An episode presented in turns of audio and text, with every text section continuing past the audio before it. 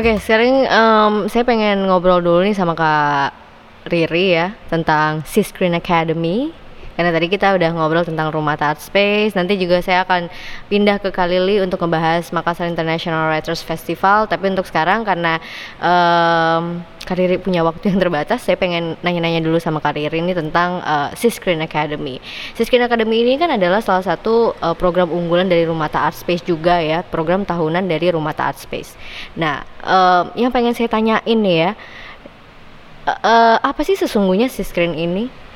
Si Screen Academy ini adalah sebuah uh, inisiatif tentang kolaborasi atau interaksi dan proses berbagi pengetahuan tentang perfilman, tentang produksi film, tentang uh, budaya sinema,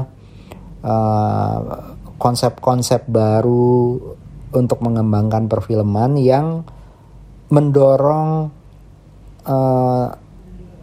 para pembuat film Makassar atau komunitas yang ada di Makassar khususnya dan lebih luas di wilayah Indonesia Timur uh, untuk lebih maju.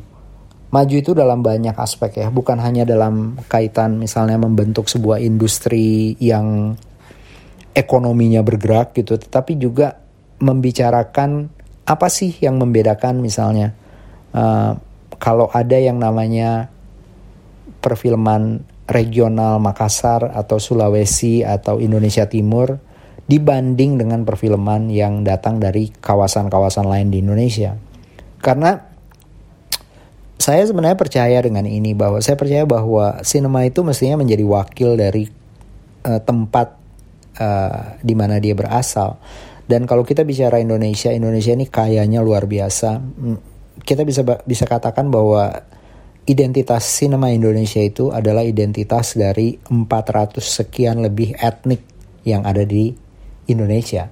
Dia sebenarnya bisa sekali ya, dikembangkan seperti uh, apa ya? Seperti juga kita mulai bangga dengan kain tenun Sumba atau sarung dari uh, Bugis, sarung bone gitu, atau anyaman dari Kalimantan Selatan atau Kalimantan Timur gitu, yang sangat berbeda dengan anyaman dari Kalimantan Barat. Jadi saya membayangkan sebenarnya sinema itu atau film itu bisa sekali punya karakter yang berbeda-beda sesuai dengan uh, karakter masyarakat di mana dia berasal dan kita mestinya memberi ruang kepada pertumbuhan karya-karya yang unik, yang spesifik, yang punya pernyataan artistik yang khusus dari banyak kawasan di Indonesia. Si screen itu namanya atau atau berdiri atau di merupakan singkatan dari Southeast Asia Screen. Jadi uh, ada perspektif yang juga saya tawarkan bahwa pengembangannya itu bukan hanya mematok referensi dari um, Indonesia saja gitu, tetapi atau bukan dari Hollywood saja, tapi juga dari kawasan di lain di Asia Tenggara. Jadi ini adalah lintas budaya yang mungkin menarik dan baru gitu, uh, yang berbeda dengan apa yang fenomena yang terjadi di Jogja atau di Jakarta atau di Surabaya gitu. Jadi lebih banyak bicara tentang tentang sinema Asia Tenggara. Itu kira-kira. Um, kegiatannya sendiri itu juga ada dalam bentuk berbagai bentuk, berbagai kadang-kadang sangat dinamis, ada workshop, ada masterclass, ada apa ya, pemutaran-pemutaran film gitu. Uh, karena sebenarnya si screen atau rumah tak percaya betul bahwa film itu tidak harusnya berhenti hanya pada pemutaran uh, saja, bukan hanya interaksi antara pembuat film dan penonton saja, tetapi juga bisa menjadi lebih luas gitu dengan berbagai berbagai aspeknya kritikus, uh, peminat film, penulis, akademik, uh, intelektual dan lain-lain. Jadi itu yang sebenarnya kita selalu upayakan terjadi di dalam kegiatan si Screen Academy. Uh, sekalian saya jawab tujuannya. Sebenarnya tujuannya apa? Ya tujuannya tentu saja uh, uh, untuk merayakan atau membuka kemungkinan uh, uh, baru tentang perkembangan atau pengembangan film dan jadinya dia bisa melibatkan siapa saja. Para pembuat film muda biasanya hadir dalam kegiatan si Screen Academy. Pada saat yang sama ada juga sutradara film di situ, ada juga sinematografer film di situ, dan uh, cakupan pembicaraan dialog yang terjadi juga sangat menarik karena kami mengadakan kegiatan yang cocok dihadiri oleh uh, di dalam ruangan berjumlah 10 orang, tetapi ada juga kegiatan yang bisa apa ya uh, menyentuh ratusan orang gitu dalam bentuk pemutaran film dan diskusi yang terbuka. Wah berarti emang nggak ada alasan sih untuk para sineas uh, Indonesia, khususnya Indonesia Timur untuk tidak berkarya lebih atau juga tidak bersaing dengan para para sineas yang mungkin lokasinya tidak sedang berada di Indonesia Timur. Bukan cuma di Indonesia aja sih sebenarnya ya, tapi um, kita harapin dengan adanya si screen ini pastinya uh, para sineas yang ada di Indonesia Timur juga bisa berkompetisi dengan para sineas yang dari uh, mancanegara. Nah, sekarang saya pengen nanya lagi nih, uh, Kari, apakah sejauh ini um, Screen sendiri sudah berjalan sesuai dengan harapan Kariri? Apakah Screen sudah berjalan sesuai yang saya bayangkan? Um, jujur saja saya sangat bersyukur.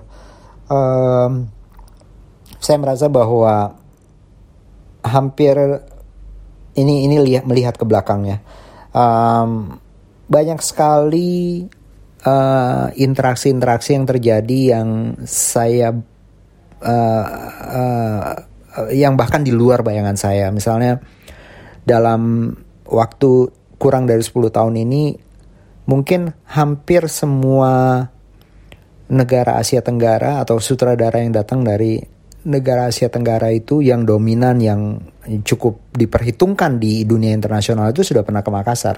Sebagian di antara mereka bahkan belum pernah ke Jakarta atau jarang berkenalan dengan sineas dari Jakarta, tapi mereka pernah datang ke Makassar, pernah memutar filmnya di Makassar, pernah berdiskusi dengan publik di Makassar. Begitu juga teman-teman dari Palu, dari Lombok, dari Ambon, dari Papua bahkan pernah datang ke Makassar untuk mempresentasikan karyanya, mendiskusikan karyanya gitu dan dan um, Rumata juga sudah menjadi semacam agenda kegiatan film yang tidak resmi ya non formal ya. Saya saya saya pikir dia tidak seperti festival film Indonesia atau uh, festival film Netpack di Jogja gitu. Dia kegiatan yang kecil tapi sifatnya intimate gitu. Dia tidak dia tidak apa ya tidak besar gitu ya. Uh, kegiatan kami juga tidak diberi mendapat dukungan dari uh, lembaga yang mapan seperti Badan Ekonomi Kreatif atau Kementerian um, uh, kebudayaan dalam artian dalam artian yang kontinu yang yang yang yang sifatnya rutin gitu. Sesekali kami mendapat dukungan dari dari pusat pengembangan film atau pernah juga mendapat dukungan satu dua kali dari Pusbang pusat pengembangan apa maaf dari Badan Ekonomi Kreatif. Tapi tidak dalam bentuk yang rutin gitu. Tidak ada komitmen yang terus menerus gitu. Jadi uh, kegiatan ini terjaga dinamikanya, energinya untuk bersikap uh, bottom up gitu dari bawah ke atas. Uh, saya berdialog terus, mencoba sedapat mungkin berkomunikasi dengan teman-teman di Makassar, buat para pembuat film. Apalagi yang kita harus bikin di Makassar, apalagi kegiatan yang tepat gitu. Yang kira-kira kalian butuhkan itu apa? Itu yang selalu saya coba coba akomodasi di dalam kegiatan si screen dari tahun ke tahun. Nah, melihat beberapa tahun terakhir nih karir ya, industri film di Indonesia Timur nih makin berkembang ditandai dengan uh, banyaknya bioskop-bioskop yang mulai hadir di kawasan Indonesia Timur. Gimana sih tanggapan uh, Riri Riza gitu terkait sineas dan juga film karya anak Indonesia Timur saat ini, terkhusus untuk anak Makassar dulu kali ya? Iya, um, memang juga menarik ya melihat mungkin Makassar ini adalah salah satu kota, kalau tidak mau dibilang satu-satunya kota di Indonesia yang perkembangan perfilmannya itu muncul dan cukup berkelanjutan gitu. Hampir setiap tahun kita bisa melihat ada dua, tiga, bahkan kadang-kadang bisa sampai 10 film dari Makassar gitu yang diputar di bioskop, baik yang sifatnya nasional maupun sifatnya uh, lokal di Makassar itu sendiri. Uh, dan beberapa dari film tersebut juga cukup dibicarakan di dalam ting uh, uh, apa ya tingkat secara nasional gitu karena misalnya dianggap berhasil mendatangkan penonton atau dianggap berhasil uh, me menjadi semacam rujukan uh, tentang tren yang ter sedang terjadi di daerah atau menggambarkan masyarakat kita masyarakat Sulawesi Selatan Makassar di di tingkat nasional gitu. Uh, ini juga unik. Misalnya film-film Makassar ini selain diputar di Makassar juga diputar di beberapa tempat di Jakarta yang memiliki populasi uh, warga asal Bugis Makassar gitu. Dan cukup mendapat perhatian. Beberapa filmnya juga cukup cukup banyak penontonnya gitu. Uh, saya tentu saja menganggap ini adalah sebuah fenomena yang uh, unik gitu yang kadang-kadang bagi saya cukup membanggakan gitu tetapi memang belum selalu atau terus-menerus juga disertai dengan peningkatan kualitas. Nah, itu yang yang satu hal yang uh, khusus tentang film-film komersial yang diputar di bioskop komersial ini terus akan menjadi uh, perhatian.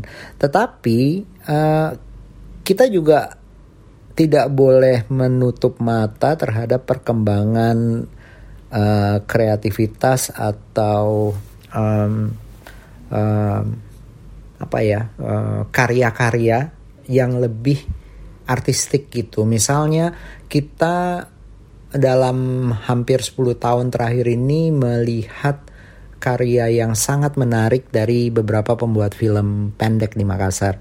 Misalnya Aditya Ahmad yang uh, pernah membuat film berjudul uh, Sepatu Baru di tahun 2012-2013, kemudian membuat lagi karya berjudul Kado yang kemudian memenangkan uh, uh, apa ya uh, award film terbaik di Festival Film Venice tahun 2018 dan diputar di Sundance, diputar di banyak festival bergengsi di seluruh dunia. Uh, jadi uh, karya Adit tentu saja merupakan wakil dari uh, apa ya prestasi yang sangat tinggi gitu di di perfilman Indonesia yang dibuat di kota Makassar dan dibuat oleh para sineas Makassar.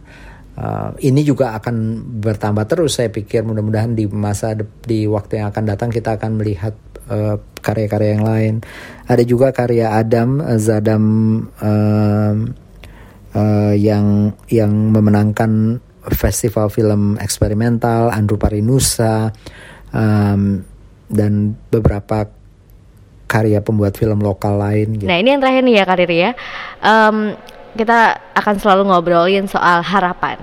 Apa sih harapan Riri Riza untuk Siskrin dan juga Rumata Art Space ke depannya? Saya tentu saja tidak mengatakan bahwa si Screen Academy atau Rumata Art Space punya peran langsung terhadap perkembangan prestasi para pembuat film Makassar ini, tetapi tentu saja kami senang menjadi bagian uh, dari perkembangan baru ini. Uh, Rumata Art Space lahir, uh, si Screen Academy lahir ketika perkembangan ini terjadi dan uh, itu adalah sebuah uh, uh, tentu saja perasaan bersyukur yang besar gitu menjadi bagian dari itu.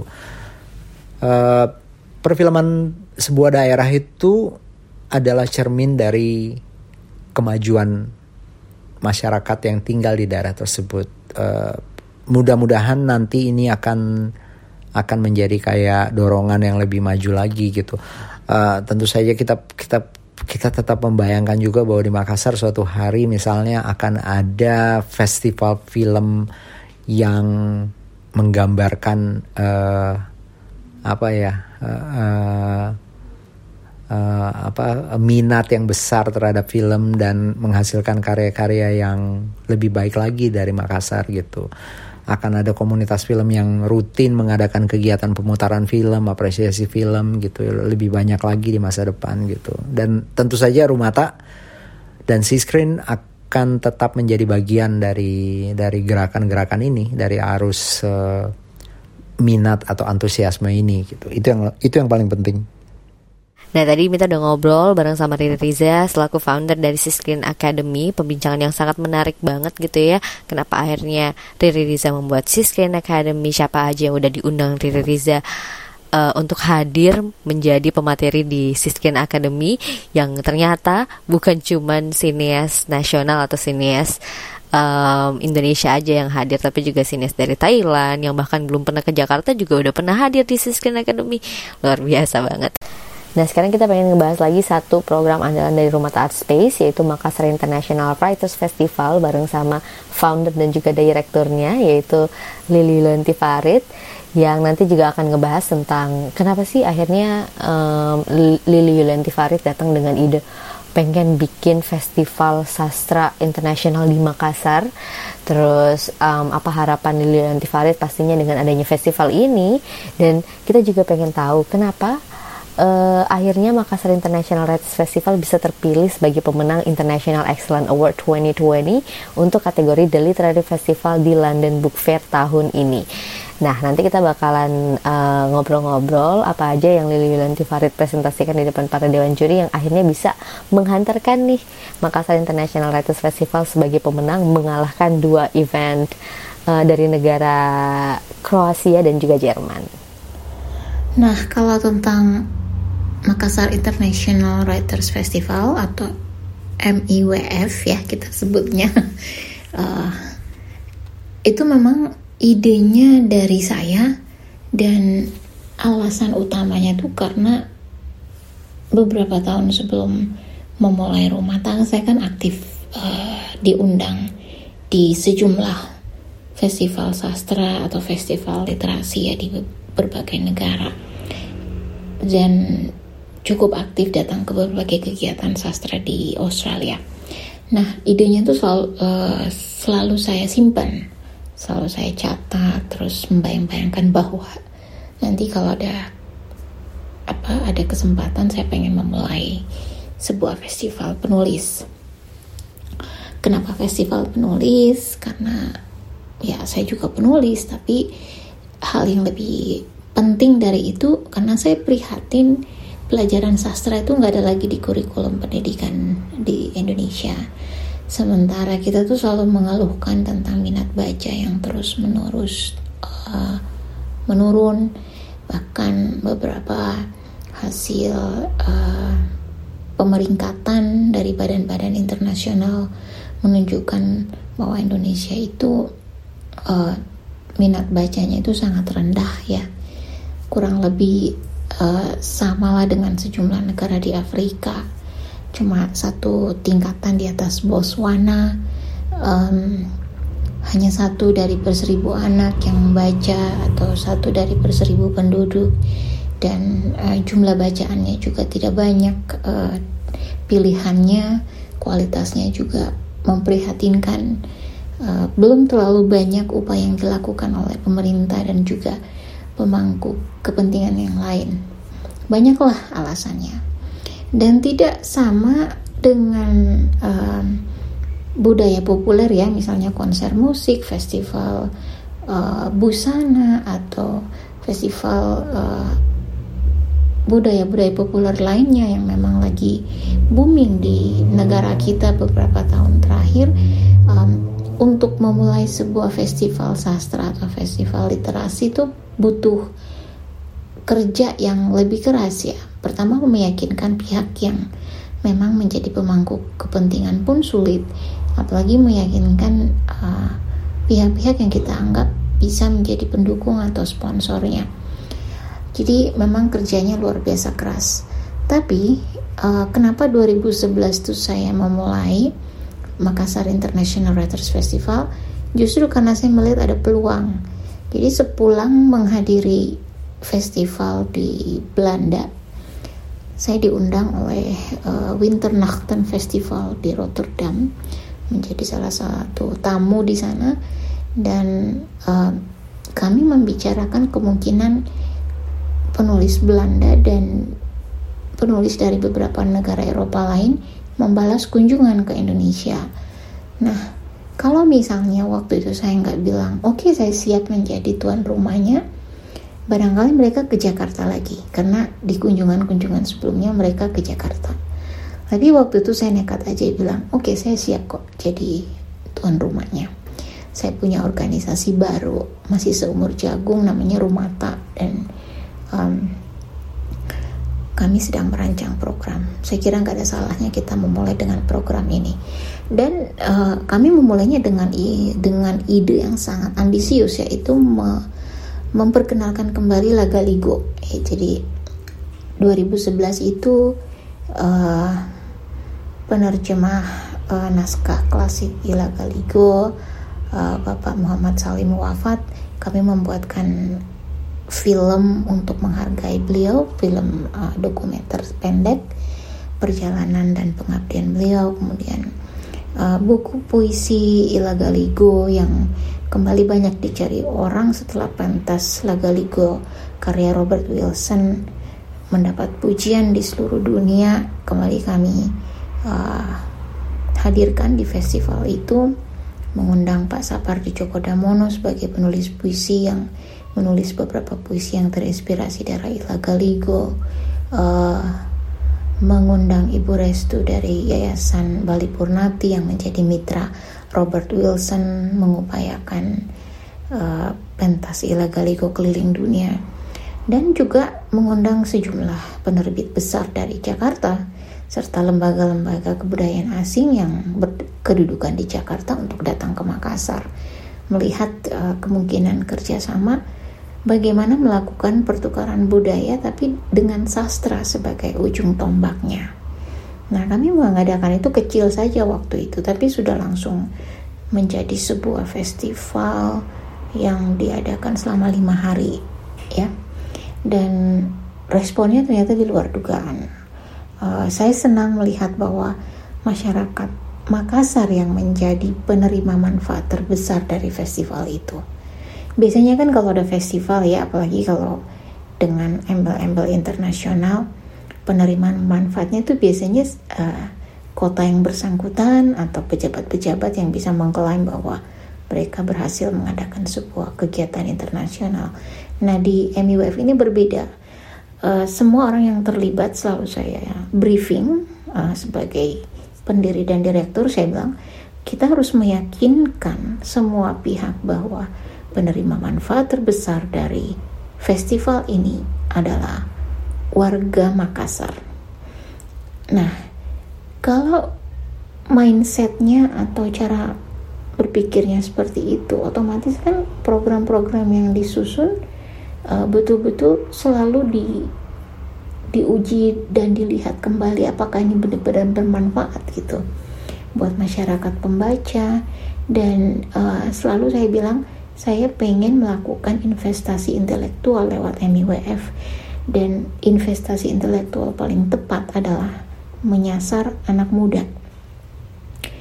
Kalau bikin konser musik, anak muda pasti datang. Tapi kalau kon, uh, konser buku konser dalam tanda kutip pembacaan puisi kemudian uh, diskusi dan peluncuran buku berapa banyak anak muda yang mau datang nah ini pekerjaan besar dari tim MUF ini membuat sebuah festival sastra tapi bisa menarik perhatian anak muda.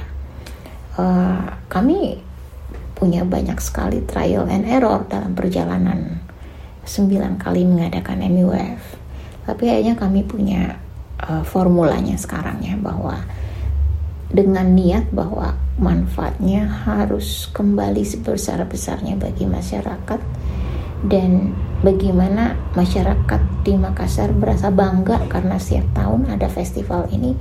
Itu yang uh, perlu kita jaga terus menerus gitu.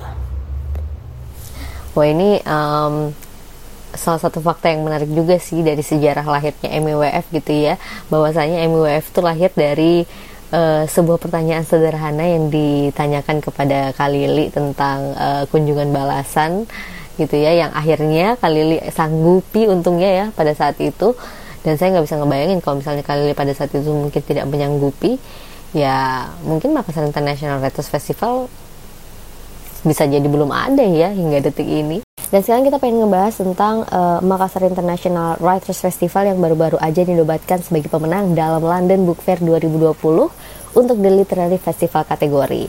Nah, ternyata setelah sempat menjadi nominasi juga di kategori yang sama tahun lalu bersamaan dengan Book Arsenal Literature dan juga International Literature Festival di Utrecht, Akhirnya MEWF yang juga menjadi satu-satunya wakil dari Asia yang udah dua kali masuk dalam daftar pendek kategori festival sastra terbaik di London Books uh, Fair akhirnya bisa menang tahun ini.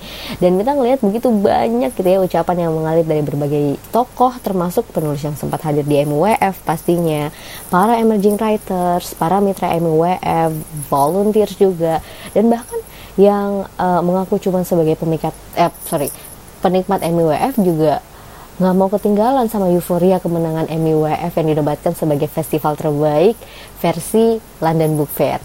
Nah ini bisa diceritain nggak sih Kak Lili? Apa aja yang Kak Lili highlight di hadapan Dewan Juri London Book Fair tahun ini yang akhirnya membuat para juri menjadikan Emmy sebagai pemenang?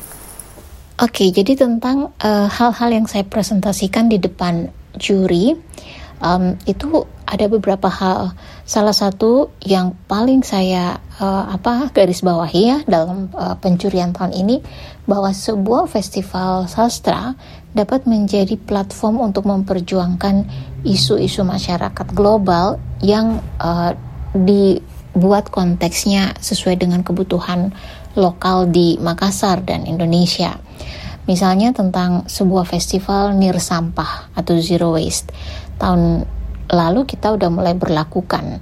Tidak ada sekeping atau sepotong sampah pun yang merupakan uh, sampah yang dihasilkan di festival yang berakhir di tempat sampah atau di tempat pembuangan akhir sampah di Antang, Makassar. Semuanya diolah dan ada unit kerja khusus yang betul-betul uh, mengerjakan semua dari hulu ke hilir. Selain itu, isu seperti hak-hak uh, para penyandang uh, disabilitas, teman-teman tuli, teman tunanetra yang juga ingin ikut berfestival. Kami uh, siapkan penerjemah bahasa isyarat dan juga tahun lalu ada program yang khusus membahas uh, tentang bagaimana sih kita bisa punya kesadaran lebih tinggi ketika ingin berinteraksi dengan teman-teman berkebutuhan khusus. Dan juga tahun lalu merespon uh, gempa dan tsunami di Sulawesi Tengah, kami membuka sebuah ruang percakapan dan diskusi khusus uh, di mana kita mendengarkan banyak sekali catatan warga tentang bagaimana sebuah bencana alam yang maaf, sebuah bencana alam yang skalanya besar dapat mengubah kehidupan seseorang. Ini saya ulang ya. Bagaimana sebuah bencana alam yang skalanya sangat besar dapat mengubah kehidupan seseorang, tapi diabadikan lewat catatan-catatan uh, para saksi dan juga korban yang mengalami langsung bencana tersebut. Jadi um, di situ kita membuka banyak sekali um, ruang diskusi dan percakapan. Selain itu, kami juga terus-menerus menekankan ya bahwa meskipun ini sebuah festival penulis atau festival sastra, tapi ia adalah tempat pertemuan ide-ide besar yang ingin dikerjakan oleh kelompok-kelompok um, masyarakat yang tentunya diawali oleh keresahan, tapi kemudian karena ada festival yang besar, mereka bisa berjejaring, membuka koneksi, uh, membuka peluang-peluang kerjasama sehingga apa yang mereka gelisahkan itu bisa mereka wujudkan. Wah luar biasa banget berarti kali ya. Makassar International Writers Festival ini membuktikan dirinya bahwa um, MUF ini bukan hanya sekedar festival yang mempertemukan penulis dan pembaca atau juga mempertemukan uh, pembaca dan pembaca atau juga penulis dan penulis atau cu cuman memper memperhatikan bagaimana seorang penulis bisa menghasilkan karya yang lebih baik lagi, lebih bisa diperkenalkan ke dunia internasional. Tapi MWF juga adalah uh, menurut saya adalah festival yang merespon keadaan sekitar gitu. Festival yang kalau misalnya dia adalah seorang manusia gitu dia memiliki jiwa kepekaan sosial yang begitu tinggi ya karena saya percaya banyak banget komunitas di luar sana yang menggaungkan betapa pentingnya zero waste betapa pentingnya kita mengelola sampah dengan baik tapi justru mereka sendiri yang menurut saya tidak cukup bijak dalam uh, mengelola sampah yang mereka produksi setiap harinya gitu. Nah selain itu juga uh, beberapa tahun belakangan saya melihat begitu banyak uh, komunitas yang tidak hanya datang dari komunitas sastra tapi juga komunitas film yang mulai memperhatikan uh, akses teman-teman yang tergolong dalam uh, kelompok disabilitas untuk bisa menikmati film gitu. Akhirnya dengan adanya seperti dengan adanya MIWF ini saya juga ngerasa um, MIWF ini sangat peka dengan kebutuhan teman-teman disabilitas gitu yang mungkin selama ini atau mungkin 10 tahun kemarin tidak begitu diperhatikan gitu ya kebutuhan mereka gitu. Tapi dengan adanya MIWF akhirnya semua kalangan siapa saja betul-betul bisa menikmati sastra. Nah, yang saya pengen tanyain sekarang nih Kak Lili, apa sih um, apakah maksudnya apakah MIWF ini um, sudah sesuai dengan harapan Kalili pada saat pertama kali Kalili uh, datang dengan ide ini dan pengen bikin MWF. Lantas apakah MUF ini sudah sesuai dengan harapan saya atau justru masih banyak hal yang belum bisa kita lakukan di sini? Um, secara pribadi saya orangnya tuh punya banyak ide, jadi masih banyak hal yang belum kita bisa lakukan di sini karena keterbatasan. Tetapi um, sejak awal saya sadar ini adalah festival yang punya ciri khas kuat sekali digerakkan oleh uh, volunteers ya jadi uh, mulai dari pendiri direkturnya tuh kerjanya secara volunteer. Jadi di situ juga menjadi keunikan tersendiri bagi festival ini. Dan dari tahun ke tahun uh, saya pribadi juga mendapat banyak pertanyaan dari pihak-pihak yang pengen belajar bagaimana sih memulai sebuah festival sastra di kota saya atau di tempat saya. Dan saya selalu menyarankan mereka uh, melakukan riset awal dulu apakah benar-benar butuh sebuah festival sastra? Dan apakah betul-betul uh, bisa memetakan uh, rencana menjalankan festivalnya minimal lima tahun dulu supaya dampaknya uh, bisa nyata gitu bagi masyarakat di tempat festival itu diadakan. Karena kalau nggak bisa diadakan misalnya lima tahun, kalau sekedar buru-buru bikin, ayo kita bikin yuk karena di Makassar ada, di kota kita juga harus ada gitu. Nah ini kalau semangatnya cuma seperti itu, um, nanti kepuasannya hanya pada penyelenggara loh sehingga festivalnya hanya menjadi panggung untuk orang-orang yang mengerjakannya. Dampaknya untuk uh, masyarakat luas uh, harus dipikirkan gitu.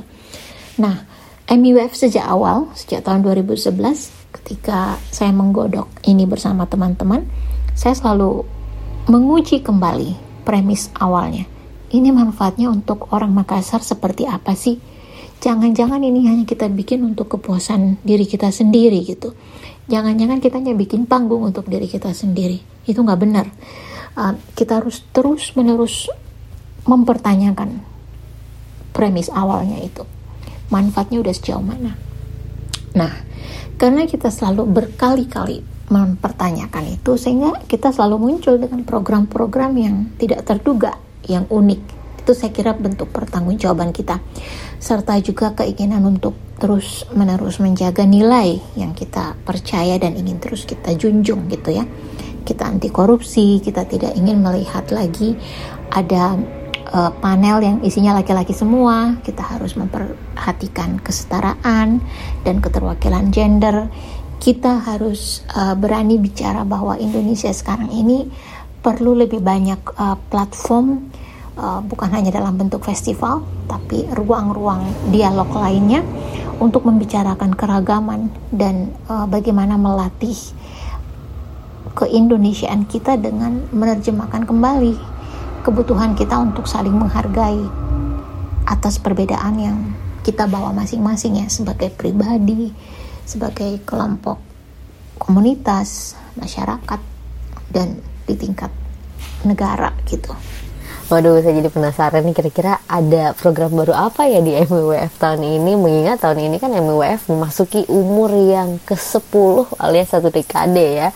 Cuman mungkin karena kondisinya sekarang lagi ya abu-abu um, kita doain aja semoga uh, eh, MWF akan bisa tetap jalan entah itu uh, diundur kah atau mungkin um, akan digarap secara digital. Kita nantikan ya kali kabar terbaru dari MWF 2020 ini. Dan um, sekarang saya pengen mengucapkan terima kasih dulu pastinya untuk kali ini udah ngobrol-ngobrol tentang MWF tapi sebelum um, kita menutup pembicaraan kita di podcast Rumah Talks uh, saya pengen nanya ke Kalili apakah ada yang Kalili pengen sampaikan um, untuk siapa aja terkait MWF mungkin? Oke, okay, dan terakhir uh, izinkan saya untuk berterima kasih setulus-tulusnya dari dalam hati yang paling dalam kepada semua pihak yang telah membantu MWF sampai uh, berada di titik di mana kita mendapat penghargaan di London Book Fair. Ini bukan kerjaan satu orang, bukan hanya kerjaan 5 atau 10 orang, ini kerjaan banyak orang.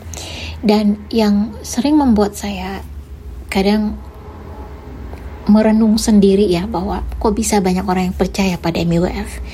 Ternyata salah satu daya tariknya setelah saya ngobrol dengan banyak orang bahwa mereka tuh menyematkan banyak harapan pada festival ini dan mereka melihat bahwa mereka tuh bisa bertumbuh uh, bersama secara intelektual, secara uh, apa ya, secara mental juga dan melihat bahwa ia adalah sebuah perjalanan bersama. Ya, saya kira sama halnya dengan Rumata ya. Ketika ada yang datang kemudian merasa bahwa ia pengen menjadi bagian dari perjalanan bersama ini, kita tentu sebagai pemilik rumah senang banget gitu ya.